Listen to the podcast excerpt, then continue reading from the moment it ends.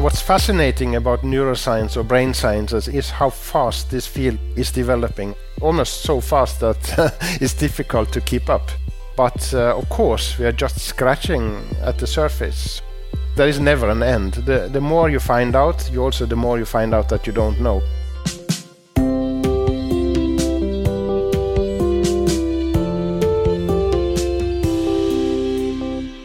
Hjärnan är komplicerad. Den kallas ibland för det mest komplexa föremålet i universum.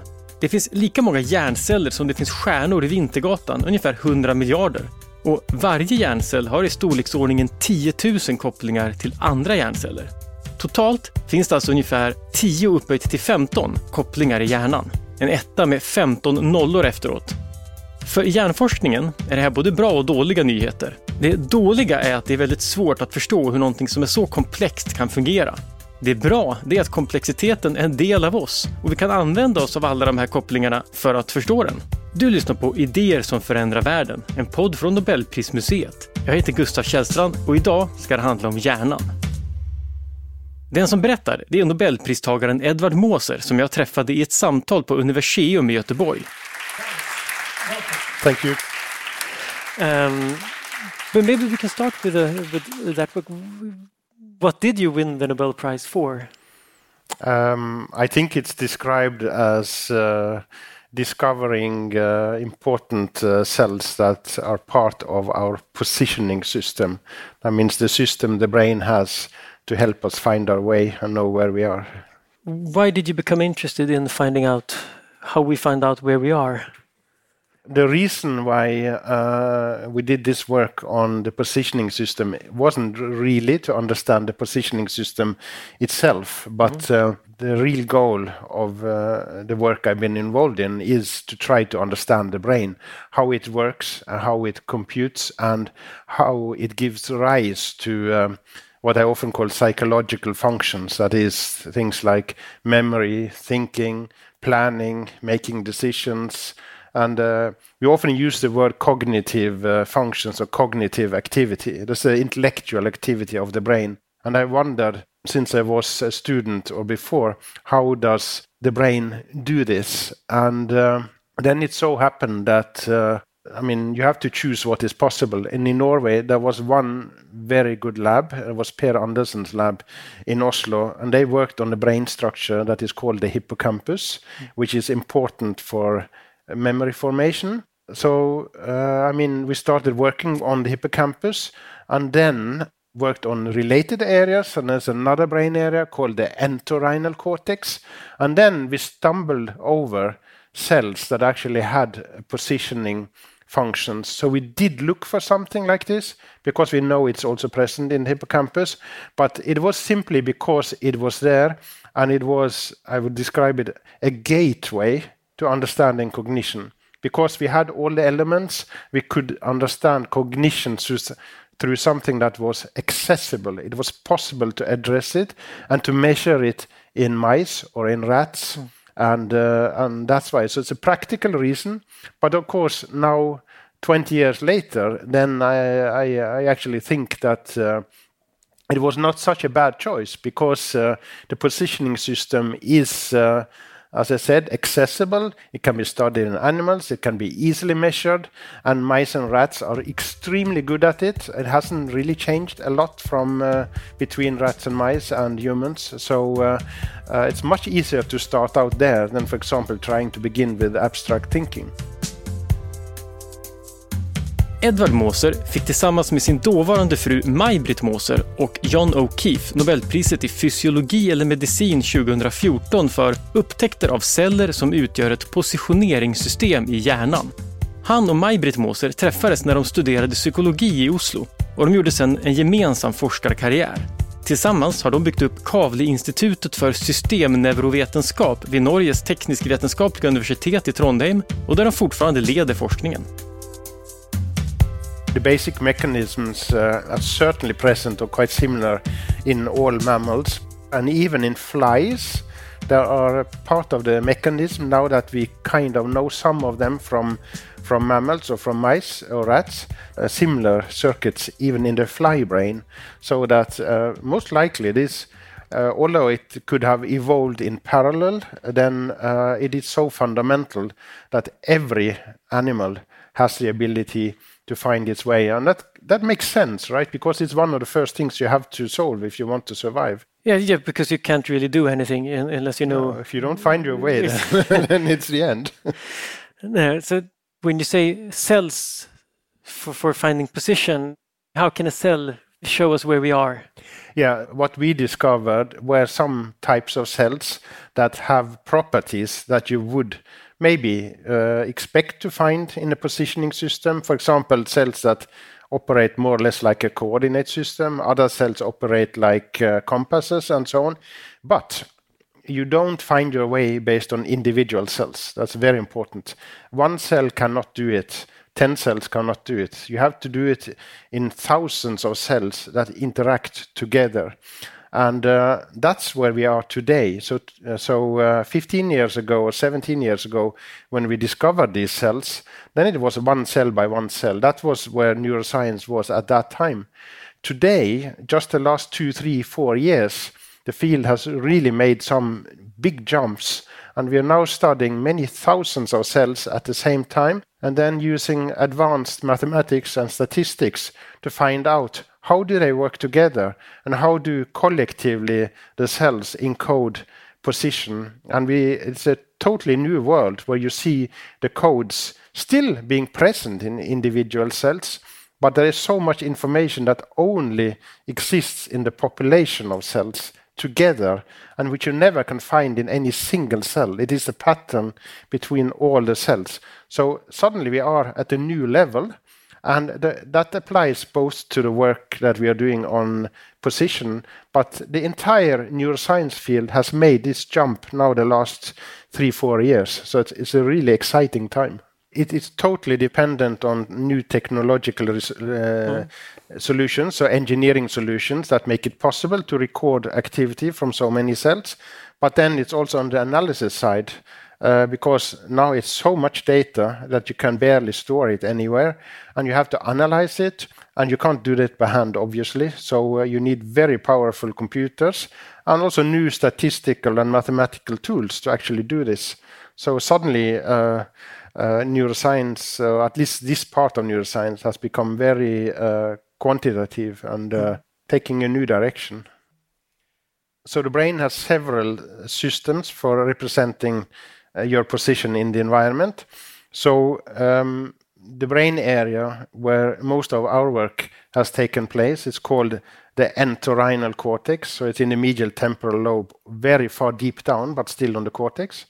So this brain area has uh, a network that uh, functions like a map, but it is a kind of map that you can use anywhere. It's a two-dimensional map, like a coordinate system, without content. But it still makes you go a particular direction or route in the map. But there's no chairs, no tables, no windows, nothing in that map. It's an empty map. But that's very useful because if you have such a map, you can actually use it everywhere. But then you can't use it alone. So you need a second type of map. And that second type of map has the content like the chairs, the table, the floor, the windows, and the buildings outside. But that is a very different type of map because it's not a single map where you can just move around on a 2D surface. It is what we call very high dimensional. It's all kinds of different combinations because you need a specific imprint for every single place uh, if you want to store it in memory. And then you need very high capacity. But those two maps, the, the one we call low dimensional, which is just the empty map, and then the high dimensional one, uh, they are in two related brain areas and they talk to each other all the time and work together. But you said that the map is two dimensional. Uh, is that for both of them? No, uh, I mean, the type of cells I'm mostly talking about is the grid cells that we discovered. So mm. there's cells that operate like a coordinate system, XY. Uh, so those are, in a sense, two-dimensional. But quite recently, because we could uh, measure uh, activity from thousands of cells at the same time, we could actually map what kind of surface does the activity move around on. And it turned out that it's, it's a torus. It's a donut, you know, a donut that you eat uh, Yeah. in a, get in the shop, especially in America. So that's that's the type of of world that this map moves around on, and that is actually extremely practical because it wouldn't work if you had a flat map. That would be like the the world. If it came to the end, you would fall out. So that would not be smart at all. But if it's a donut or a torus, you will never get to the end. You just get around and around and around and around. But it only works if you couple it to the other map that has the content and actually tells you where you are.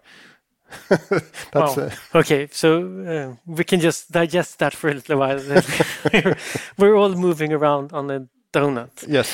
Uh, so that's how we remember place then on the donut-shaped map. Yeah, I, I would say that the donut map is not primarily a me- memory because that is just it's the same all the time, uh, but it interacts with the other map, which has the memories of this room or the hallway out, out there or the mingling area or the, the parking lot outside, all the different places. And they are very strongly coupled to memory because first time you go to uh, the entrance area, for, for example, you make a new map that uh, represents this place and you store it in this one map. And then you can use the other map to, to help you navigate around in this uh, map with content. So they work together, um, but uh, but you also need uh, one of the maps to be constant. It's just like with a ruler when you measure distances. You don't want the ruler to change. You want to be the same all the time, but uh, you also want to use it in different places, and that's just like uh, this torus that you use it wherever you are. But when we remember a place, it's not only the things that are there. There's also memories of who we were there with and and Yep. uh, emotions and all things Yes. like that. So it must be. It's a very special kind of map. It's a rich map with a lot of content, and uh, some of it uh, is uh, probably stored in this single brain area, but it also operates together with the rest of the brain because uh, memories are are all over. But nonetheless, there are some areas that are necessary for coupling them together, and and uh, that's this area that is called the hippocampus. Time has to be important for the map as well, if you for remembering it at least. Yes, for all daily life memories, which we often call episodic memories, because you remember episodes. That's uh, what you had for breakfast today, or how you got to this place. Those memories involve space and involve time. So they, they always involve a, a place. The place where you experienced it is always part of the memory. But it is also time because it is usually organized like sequences. First one thing happens, then another thing happens, and then yet another thing happens, and that's what you remember. Those sequences of events that uh, events that form uh, a memory. So when we build up this map, especially then the second one in 3D, does our sense of time help us remembering or mapping distance, for example? Well, um, in a sense, the coordinate system that depends on the so-called grid cells that is pretty robust. It doesn't depend on anything really. So, uh, uh, but uh, indirectly it does because um, it only works when um an animal, a mouse or a rat or a human being, moves around in space because then you get to the different coordinates of that uh, map. Uh, but then um, the things that happen in different places are more than just moving around, right? So uh, all of this has to be added in, and it also consists of uh, sequences that are not only position. I mean, for example, when you're sitting here, you aren't moving very much, but it still is some sort of sequence in our discussion, right? So which we may still remember. Yeah, maybe not only sequence, maybe progression. At least we hope that. but is it the same for time then that we have sort of an internal clock that ticks that we can just put things in sequence? Um, no, uh, the, the time is quite different. So it is strongly coupled to this space system because they depend so much on each other. But first of all, time is encoded many places in the brain. But the way it is encoded in these uh, brain areas that interact so strongly with uh, the memory system and with the space system is quite unique. It consists of activity in the brain that changes all the time. It never gets back to where it was. But uh, what is important to say here is that it doesn't operate like a clock. There is no clock in the brain with one exception, I can tell you that. But uh, but for experience, there is no clock. Our brains are actually not good at all in measuring time. So the way we do it is that we use our experience, use our different parts of an experience as landmarks, and then out of that we try to reconstruct how much time has passed. So in, in many ways, our sense of time is something that we infer based on our uh, experiences. So the more things happens, then we think more time has passed. Yes, uh, in in uh, uh, actually that is true. So there are experiments, but I have tested also people on this. And for example, one classical type of experiment is that you don't tell people in advance what they're going to, to experience, but then are brought into a room, a very uh, stereotypic empty room, and then one of the people, uh, one of the groups experienced lots of funny things that happen, and the other group just uh, nothing happens. They just sit there and wait and wait and wait and wait and not told when this is going to end. And then you can ask uh, afterwards, uh, how long did you sit there? And guess who thought they were sitting there longest? so, yes, it's, it's pretty obvious. I think we all experience this, but uh, it does tell that we use the structure of experience to infer how much time has passed. And quite often we distinguish between two types of time, or when I say time, um, I should be more specific. It's about estimating how much time has passed or the durations of something that happened. So you can either do that by uh, um, by uh, doing it online in a way. So if there's something you do several times, you will have a feeling how far you are in the task before it's over. And the other way is that if you experience something one once and you don't think about it, you just do it, and then at the end you're asked, how long time did this this take? So then the way the brain does that is that it tries to recollect so what happened and automatically, not consciously, just automatically infers based on the experience approximately how, how much time had, had passed. So it's called prospective time is the one and retrospective time mm. is the other, depending on which way you do make the inferences if you think about, for example, retrospective time, when you think about when you were small, when you were a child, and the summers seemed like going on forever mm. because so much stuff happened. Mm. But now every, every, summer is the same when I'm older, so it seems like most most faster. So it's better to do lots of stuff if one wants to have feel like you've done lots of things. Yeah, it's a paradox because if you really want to save the time and really experience it, then you have to make it boring. yeah, but you won't remember it for very long. If it, okay, so but that maybe brings us into memories. It seems like I mean, if you picture them in movies or in comic books, it's like something fluffy, like a cloud or something. But it's actually something quite physical, a memory. Yes. Um, so we have some ideas about how memories work. I mean, these are working models, but uh, um, if you imagine that you form a memory, so now I maybe form a memory of sitting here with you on this stage, so uh, that may consist of certain groups of cells, I mean thousands probably, that um, work more or less at the same time and then they interact. So that means they have connections with each other in a kind of network. So you can imagine a network of some thousand cells with specific connections between cells so that if A is active, very often B follows and C follows and then it goes around and around. But when you store this memory for the first time, like now when it's going on, then um, those connections that were active are often strengthened so that the strength between the pathways that happened, they actually leave a trace in the brain because those connections are stronger than they were before, just as a consequence of this having happened. And then when you come back, let me let's see that we think about this experience tomorrow. Then maybe I remember, yeah, I was sitting in this chair and the microphone and everything, and then it all comes up because this trace between the cells in that network is still quite strong, so it can easily be reactivated and you play the whole thing once again. Of course, not the whole thing, but chunks here and chunks there. And that's what we believe is memory, that you actually store traces in a network between certain groups of cells because at the initial event, when you experience this, they are strengthened enough that they, it's a higher probability that they will be activated again. Mm. that's memory. Mosers Nobelprisbelönade forskning handlar alltså om hur hjärnan faktiskt ändras när vi lär oss hur vi ska hitta i olika miljöer. Ett berömt exempel på det här är en studie som forskaren Eleanor Maguire gjorde på taxichaufförer i London. För att få köra en klassisk London-taxi måste man kunna hitta i stan helt utan hjälp av GPS. Och Maguire ville undersöka om personer som klarade det hade speciella hjärnor.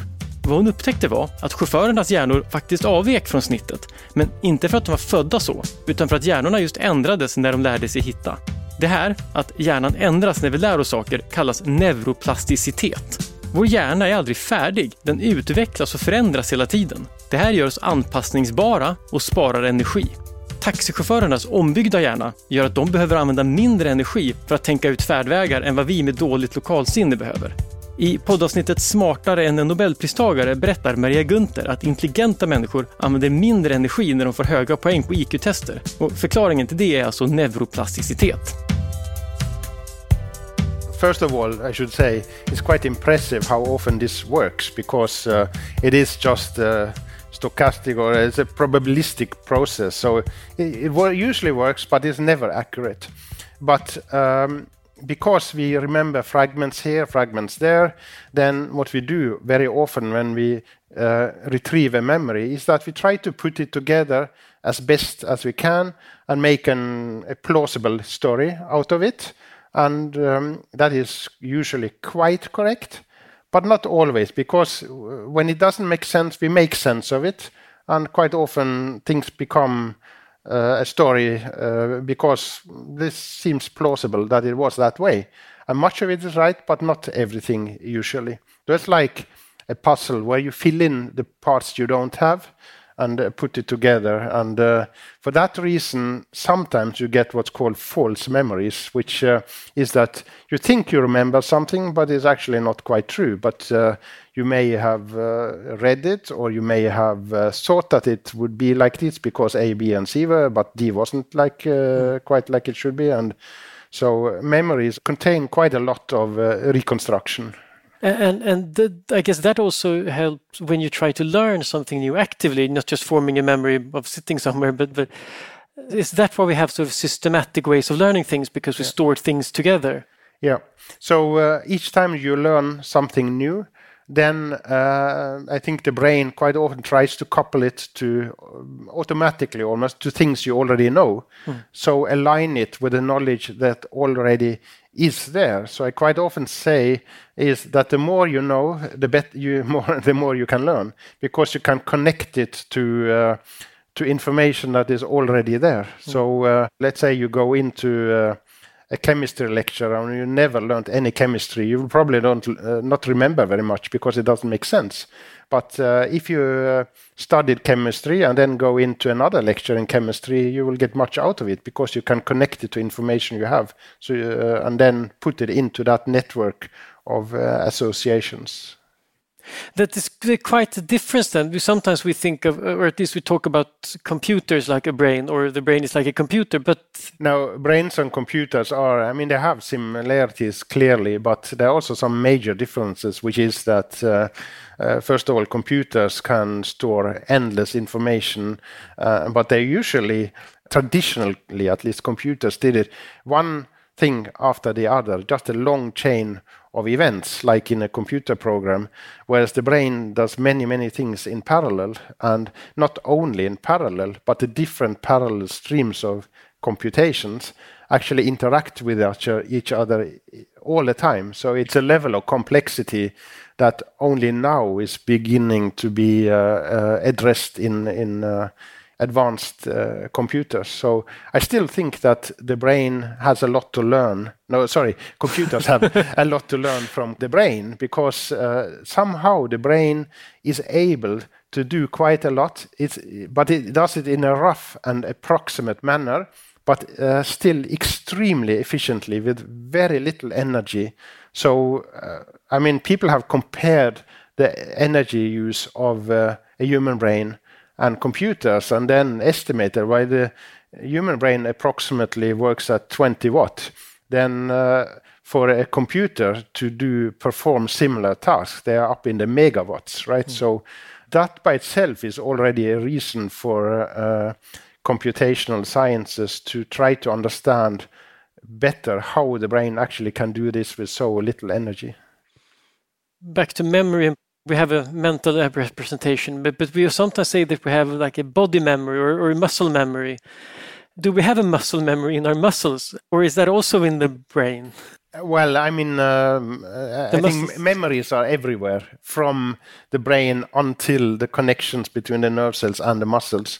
But I mean, certainly there's a lot of in the brain, even for specific muscle movements. So, take as an example just the ability to to shape your hand so that you can grip something and lift it. Mm -hmm. Sounds very simple, but it actually is a very complex machinery that depends on complicated brain circuits in what we call the brainstem. It's, it's a part of the brain that is at the bottom before you get into the spinal cord.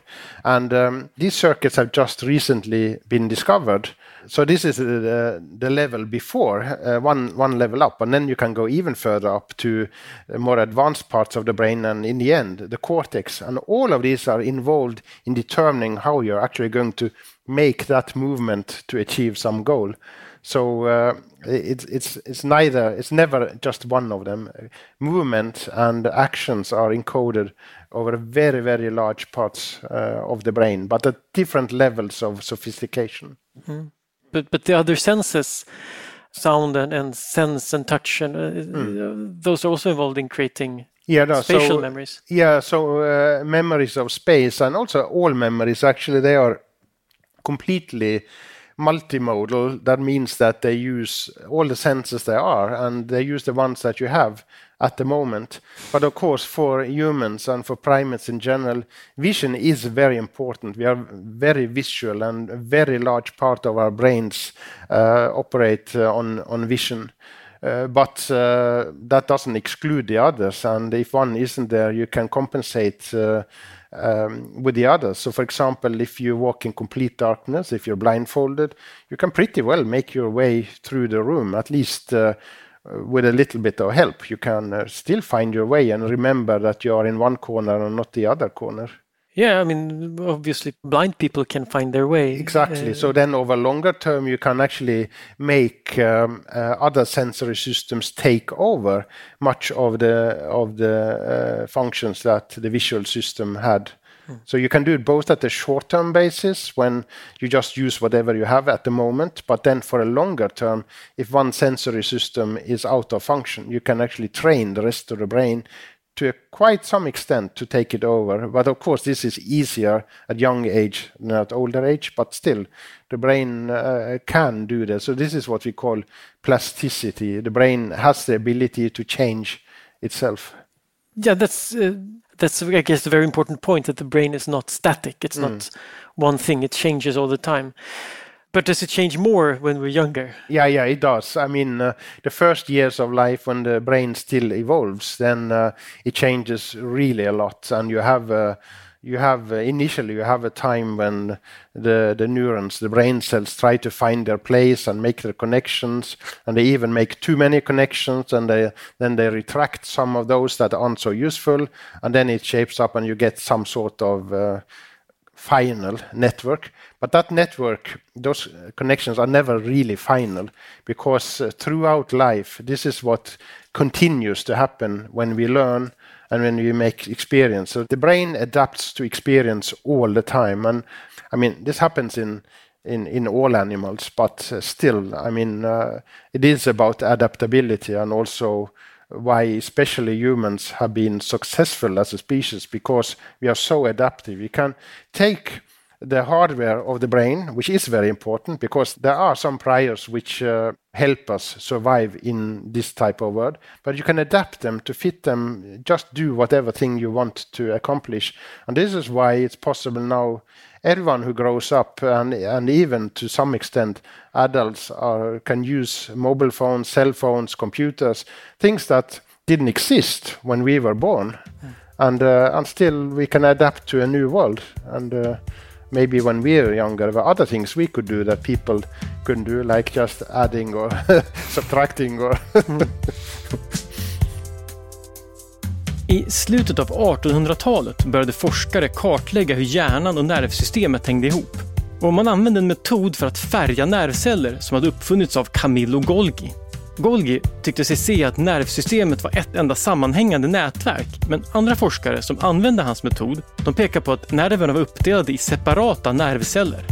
En av de första som sa emot Golgi, det var Fritjof Nansen.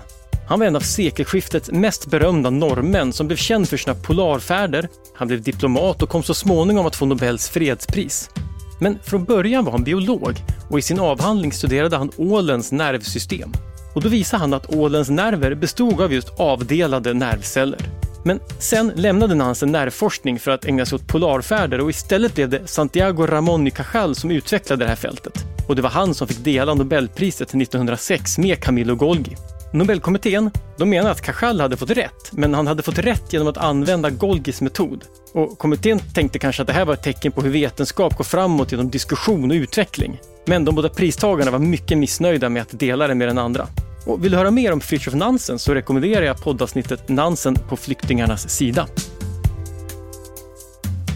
There is definitely pre-programmed plan, so um, the nervous system does develop in a fairly fixed sequence, but especially during the later parts, it is very much in an interaction with experience and with the environment, so that you can use the experiences in the environment to make small modifications and make it fit exactly what you experience. So, uh, for example, you can adapt uh, your uh, perception of space based on how big you are, how small you are, all these things that uh, you can't totally pre-program uh, uh, in advance of experience.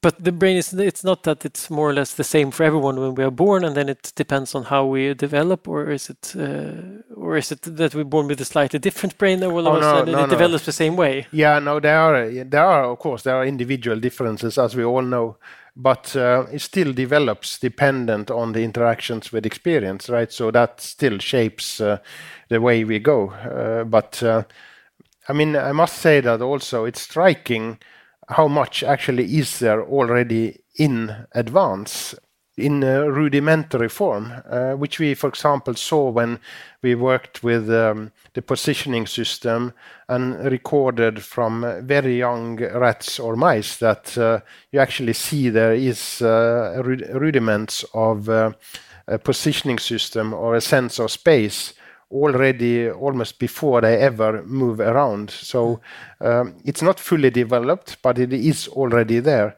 So that I um, I think that uh, the brain comes very very prepared for the life that is going to happen. that seems to be a sort of debate that maybe goes back and forth if you look throughout history. If you look, for example, how we think, is it about talent and inborn uh, things, or is it that we can learn more stuff? And the later years, it's been very much focused on grit and things like uh, practicing hard, and then you can be anything. Mm. So the, and that depends on plasticity, and that maybe it's some truth to that, but maybe not some truth, but only some. Okay. I, I, actually think that uh, the genes do play a major role. But uh, that said, I mean, you can do quite a lot with experience too. So mm. it, it's both, really. Yeah. yeah usually seems to be the case. it's not, not only one thing, but the plasticity. Uh, so, but, but, yeah, so so the brain can change even when we're getting older, which is of course nice. But but uh, uh, so it's good to try to keep learning things. Yes, definitely. So all the time when we learn, uh, the brain still changes, and this has also been tested in uh, rats and mice again because uh, there are experiments where you measure uh, the what the brain networks look like in uh, rats and mice when they grow up in very enriched environments with lots of toys and big cages and tunnels and they can move around and have lots of fun. Whereas uh, compared to rats and mice that just uh, grow up in a standard cage. Uh, and uh, you see large differences in the connections between the cells and also in the complexity of the network. And if you transfer that knowledge to the human brain, it probably means that uh, the experience you have, and even this even uh, happens in uh, adult animals. So even at adult age, the brain is plastic, and uh, um, it's the, the, the the networks of the brain, the connections between the cells continue to form, and uh, so um, the, the brain is plastic throughout life. Det är inte bara omvärlden som får en slags karta i hjärnan, utan det finns också en karta över kroppen. Varje del av kroppen motsvaras av en viss grupp nervceller och ju mer aktiv kroppen är, desto större blir området i hjärnan. Så proportionerna i den inre kartan ser inte ut som den fysiska kroppen. Ansiktet och händerna till exempel är väldigt stora medan ben och armar är rätt små. Det spännande är att eftersom hjärnan ändras så ändras också den här kartan om själva kroppen ändras. Alltså, om man förlorar en kroppsdel så försvinner den så småningom från kartan. Men innan dess finns den kvar. Det är det som kallas fantomsmärtor. Det här gäller också andra intryck än känsel. Om man till exempel förlorar synen så blir de celler som används för att ta emot synintryck lediga och de kan ägna sig åt andra saker. Så det där man säger om att de andra sinnena blir starkare om man blir blind, det kan alltså stämma och det beror på att hjärnan anpassar sig. What's fascinating about neuroscience or brain sciences is is how fast this field uh, is developing and has developed. So when I started in the field, it was still a very young field, and I, it didn't have the name neuroscience. You couldn't go to university and study neuroscience. You had to go in from psychology or medicine or biology or whatever. Today, it's a rapidly evolving field, uh, which, as I said uh, earlier in our conversation, uh, takes in more and more maths and physics to understand the complexity in uh, the interactions of all these thousands or tens of thousands of cells and how they work together in ways that we can hardly imagine. So I think that that is the fun part. Uh, so it's going very fast, but uh, of course we are just scratching at the surface. But it's going fast forward, and I think that may be one of the uh, reasons why I think neuroscience is so fun because it, makes so fast progress at the moment, almost so fast that it's difficult to keep up. There is never an end. The more you find out, you also the more you find out that you don't know. So uh, we don't know. There, there's no end result in that we can see. it's a it's a fast moving field in basic science. Is it mm. is it as fast moving in practical terms? We hear there are a lot of popular science books about how neuroscience can explain everything in your daily life yeah. and you know plan your daily the, routine. There are many popular books, and often the solutions are a little bit on the on the simple side. Yeah. But uh, that said, I mean. Uh, the, the fast progress of basic sciences does have implications, and uh, it's my strong belief that as you start understanding the normal brain, then the next, uh, as a consequence, will be understanding the brain, uh, the dysfunctional brain, and that uh, includes uh, both a range of neurological diseases and psychiatric diseases. But it's very hard to understand what's going on, for example, in schizophrenia or depression, if you don't know how the normal brain operates. This is necessary knowledge. So you can still treat diseases by giving a drug that you see has an effect, mm. but it doesn't really mean that you understand it. And I think you, you really have to understand it before you can treat it in an efficient way.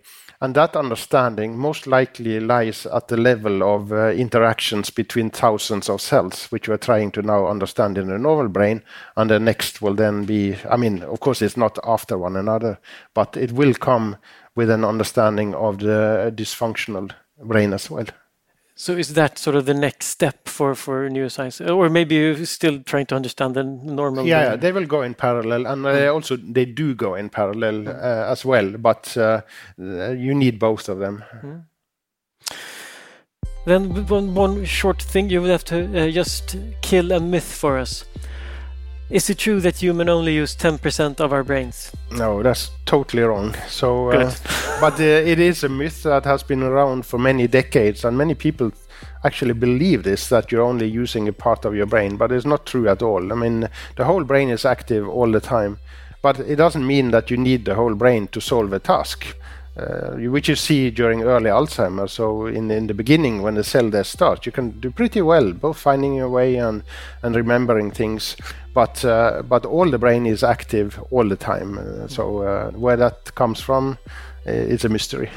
Yeah, I think that's a very good good way. There's some things we know. We've heard a lot about it, but there are also things we don't know. And so, thank you so much uh, okay. for being here, for coming. Thank you too.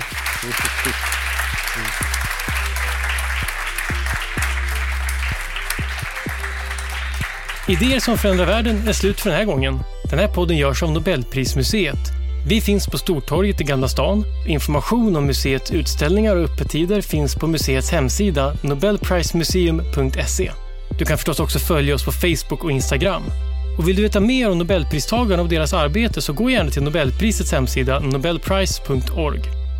Och ett stort tack till Nibe Group, EF Education First, Knut och Alice Wallenbergs stiftelse och familjen Erling Perssons stiftelse som möjliggör Nobelprismuseets verksamhet. Idéer som förändrar världen görs i samarbete med produktionsbolaget Filt, producent är Andreas Wiklund och jag heter Gustav Källstrand. Vi är snart tillbaka med nya intressanta samtal.